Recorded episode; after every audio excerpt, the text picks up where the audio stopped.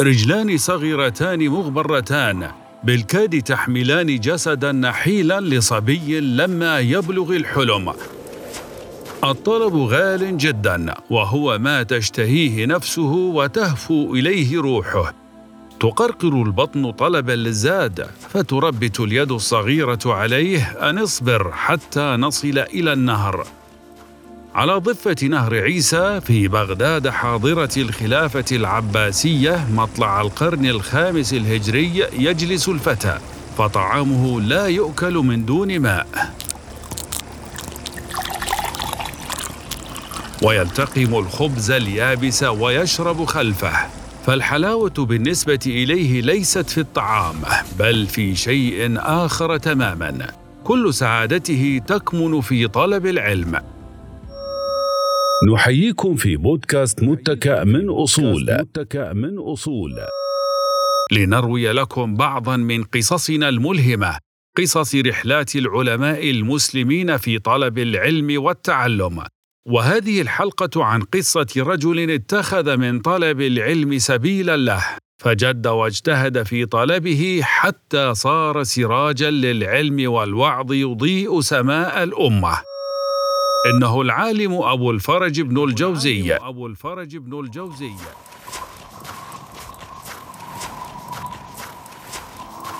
في العقد الثاني من القرن الخامس الهجري كانت بغداد حينها قد أدخمت وتعددت فيها وسائل اللهو.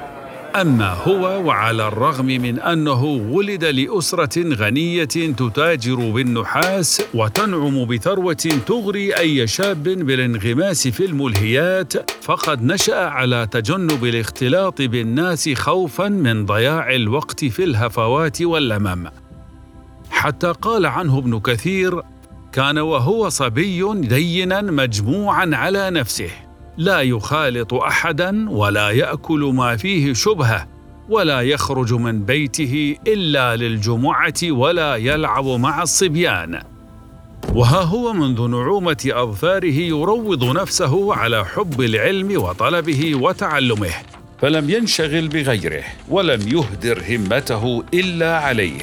فآثر الشدائد في طلب العلم على الرغد في القعود عنه. فأصبحت الشدائد في طلب العلم ملذات له فقد ورد عنه قوله ولقد كنت في حلاوة طلب العلم ألقى من الشدائد ما هو عندي أحلى من العسل لأجل ما أطلب وأرجو. كنت في زمان الصبا آخذ معي أرغفة يابسة فأخرج في طلب الحديث وأقعد على نهر عيسى. نسبة إلى الأمير عيسى بن علي فلا أقدر على أكلها إلا عند الماء. فكلما أكلت لقمة شربت عليها وعين همتي لا ترى إلا لذة تحصيل العلم. وبمثل ذلك صار ابن الجوزي عالما وحافظا وواعظا ومؤرخا ما يزال ذكره لامعا في سماء أمتنا الإسلامية حتى اليوم.